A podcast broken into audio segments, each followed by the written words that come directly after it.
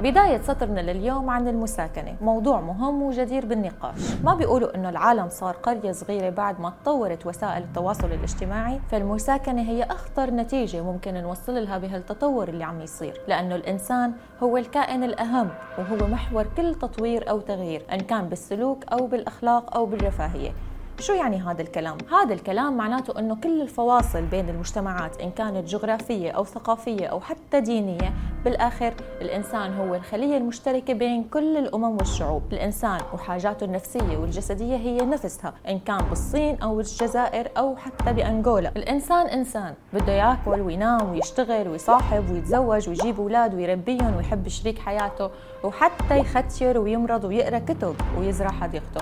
وبالآخر بده يموت. هذا الحكي بيصير مع كل الناس اللي عايشة على ساحل كاليفورنيا أو بجزر الفلبين أو بجبال عسير لكن المكون الاجتماعي الأول اللي بيصنع الإنسان هو الأسرة.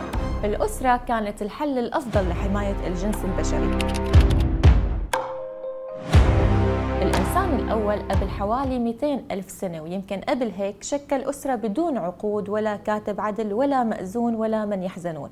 شكل عائلة بدافع غريزي لكن هذا الدافع الغريزي كان متخفي تحت اسم الحب. أي الحب. الحب هو السبب الخفي اللي بيخلي إنسان يختار شريك حياته دونا عن بقية الناس. إنسان ما بيقدر يعيش بدونه أو على الأقل هو أكثر إنسان ممكن يكون سعيد إذا عاش معه بقية حياته.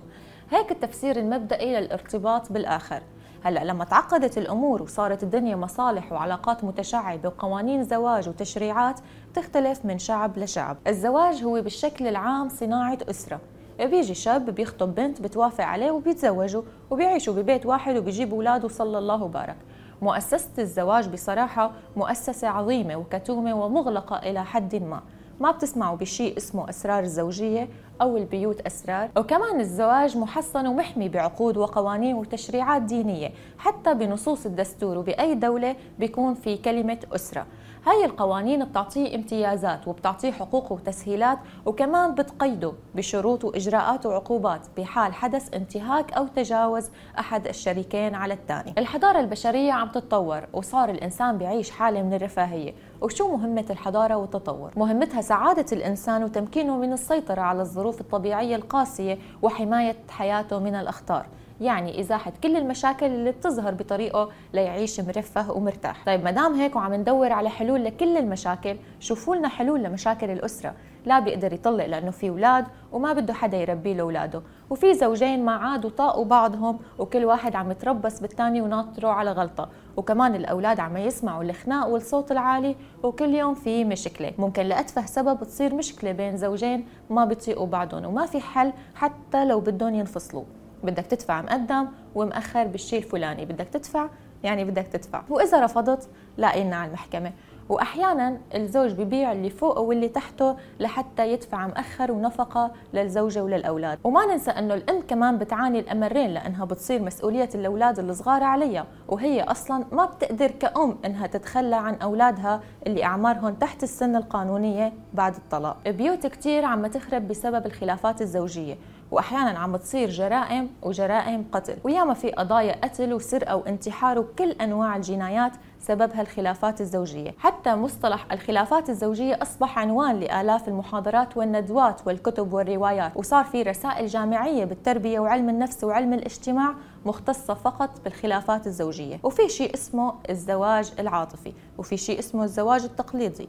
العاطفي تبع الحب والغرام والتقليدي إنه أنت أولى ببنت عمك أو أنت محسوبة على ابن خالك من لما كنت صغيرة. والخلافات لما عم تصير ما عم تصير إن كان زواج عن حب أو زواج تقليدي يعني ما كتير فرقت. الموضوع إنه الحياة والعلاقة بعد الزواج بتختلف تماما عن فترة الخطوبة والحب والاشواق وكل هالحكي قبل الزواج بيكون تمام لكن بعد ما تعيشي معه ببيت واحد وتغسلي ثيابه وتشوفيه عم يحلق دقنه أو عم ياكل أو نايم وتنتبهي لعلاقته بأصدقائه أو بأهله أو بأهلك كله هاد ممكن يسبب مشاكل ممكن تكون فرصة للنقاش وللنقاش الحاد كمان. مثل ما حكيت بأول الحلقة إنه الإنسان خلق ليعيش سعيد ليعيش مرتاح وهادي البال مو لحتى يعيش حالة نكد مستمرة وأبدية. الأجانب لقوا حل لهالموضوع فقال يا أخي روحوا عيشوا مع بعضكم فترة جربوا الزواج بلا مسؤوليات وبلا عقود. إذا لقيتوا حالكم فيكم تكملوا اعملوا عقد وإذا فأست معكم يا دار ما دخلك شر. هاي هي المساكنة. هيك بلشت الشغلة. وبالحقيقة أول دول انتشرت فيها المساكنة هي شمال غرب أوروبا. النرويج والسويد مع أنه الضوابط الدينية بكل الشرائع والأديان حتى الأديان غير السماوية بشرق آسيا كلها بتأكد على حصانة وقداسة الحياة الزوجية. وبعد السبعينيات انتشرت المساكنة بأمريكا وبتعرفوا اللي بينتشر بأمريكا بياخد جواز سفر لكل دول العالم. وصارت المساكنة حالة طبيعية بأوروبا وبكتير دول حتى بالدول العربية اللي ما بتسمح شرعا وقانونا بالمساكنة إلا أنه صارت موجودة ومحمية بقانون حرمة البيت. والمساكنة مختلفة عن موضوع الصديقة أو الحبيبة بعد الزواج. مثل ما صار بتونس من شي 30 سنة لما منعوا تعدد الزوجات فصار إذا انكمش شي واحد مع وحدة غير مرته بفسدوا عليه الجيران للشرطة وبتيجي الشرطة بتسأله هاي خليلة ولا حليلة؟ بيقلهم خليلة فبيتركوه وما بيحكوا معه شيء بالشرع الآراء تتجه بشكل واضح إلى تحريم المساكنة من باب أنه الشيطان ثالثهما وأنها بتفتح الباب على الفاحشة والدعارة والبغي. فهي حرام إلا أن يعقد عليها فتصبح زوجته. وبالقانون في دول عربية أقرت بالسماح بالمساكنة ولكن أغلب القوانين العربية كلمة مساكنة كلها مواردة بالنصوص. هلأ في آراء بتقول أن المساكنة خففت كثير من المشاكل النفسية والعاطفية لأجيال ولكنها بتسبب بنقص في عدد الأسر. والمجتمع يبنى على عائلات حقيقية طبيعية وما بينبنى على المساكنة. صحيح هي حلت بعض المشاكل لكنها بتجيب مشاكل كتير. يعني ممكن اثنين تساكنوا كم شهر وما اتفقوا والأخ راح يتجوز غيره. بعد فترة بتدق عليه الباب بتقول له تفضل استلم هذا ابنك. شو موقفه بهاللحظات؟ وشو موقف زوجته الشرعية؟ رح ينخرب بيته الشرعي المستقر بسبب كم شهر مساكنة. في جزئية كتير خطيرة هون أنه السماح بالمساكنة ولو جزئيا بالمجتمعات العربية بيكشف حالة من الانتقال إلى مرحلة جديدة من العلاقات الإنسانية. رح تنعكس على القيم والمبادئ التقليدية وحتى على نظرتنا للطبيعة وللفن. لاحظوا أنه كتير من الفنانين بالدراما أو الفن التشكيلي أو الموسيقيين كتير منهم جرب المساكنة حتى لو ما أعلن هالشيء أو ما حكى فيه. لأنه الفنان آخر إنسان ممكن يقبل أنه يكون تقليدي باختيار شريك حياته. الفن بحد ذاته هو نوع من أنواع الإعلان عن الحرية حرية التعبير وحرية العقل وحرية اختيار الشريك. ومهما كنا حياديين بطرح أي موضوع ولكن في معايير أخلاقية ما بنقدر نتجاوزها لأنها من صميم أخلاق مجتمعاتنا. وهالمعايير ما إلها عقبة بطريق الحضارة الإنسانية. لاحظوا أنه بالولايات المتحدة 70% من النساء اختبروا المساكنة وإذا حطينا إنسان عربي شرقي له قيمه وتقاليده الاجتماعية بمقابل إنسان غربي كمان له تقاليده ومفاهيمه الغربية الشرقي بيقول أنه المساكنة بتخرب حياة البنت وبتحرمها من زواج محترم وعائلة كريمة. لكن الغربي بيقول أنه المساكنة اختبار. إذا نجح بتستمر العلاقة وبتاخد شكل الشرعي الرسمي. أما إذا ما صار اتفاق فكل واحد بيروح لحال سبيله. وبيروح يختار شريك حياة تاني بيقدر يكمل معه وهيك بتكون خفت كتير حالات الطلاق. والطلاق هون بكل قوانين العالم بيترتب عليه مشاكل اقتصادية وكوارث اجتماعية. من شان هيك بالمنطق الغربي المساكنة خففت كثير من حالات الطلاق في حين بالمجتمعات الشرقية حتى لو كان الطلاق عم يترك وراء أزمات ولكن في جمعيات أهلية وفي علاقات أسرية بتحمي الأولاد وبتساعد السيدات بعد الانفصال. والشيء الإيجابي بمجتمعاتنا أنه عم تفتح الأبواب أمام المرأة. لتثبت نفسها ولتحقق ذاتها ضمن الأصول. وعم تفتح لها حرية معقولة لتختار شريك الحياة بشكل صحيح بدون ما نضطر لقصص المساكنة وغيرها. الشيء الملفت أنه المساكنة اللي بتصير بالمجتمع العربي من النادر أنه تنتهي بالزواج لأنها كانت أشبه بالهروب من القيود وكانت الحالات كلها إما لفنانين أو لأثرياء أو أجانب مقيمين ببلادنا. ليش المساكنة بالمجتمع العربي نادرا ما تنتهي بالزواج لأنه ما رح يخلص من حكي الناس أنه عاشت معه فترة بدون عقد رسمي هيك مع بعض ببيت واحد وهلأ تذكر يتزوجها ما رح يخلص من حكي الناس. ليش ما تزوجها من الأول؟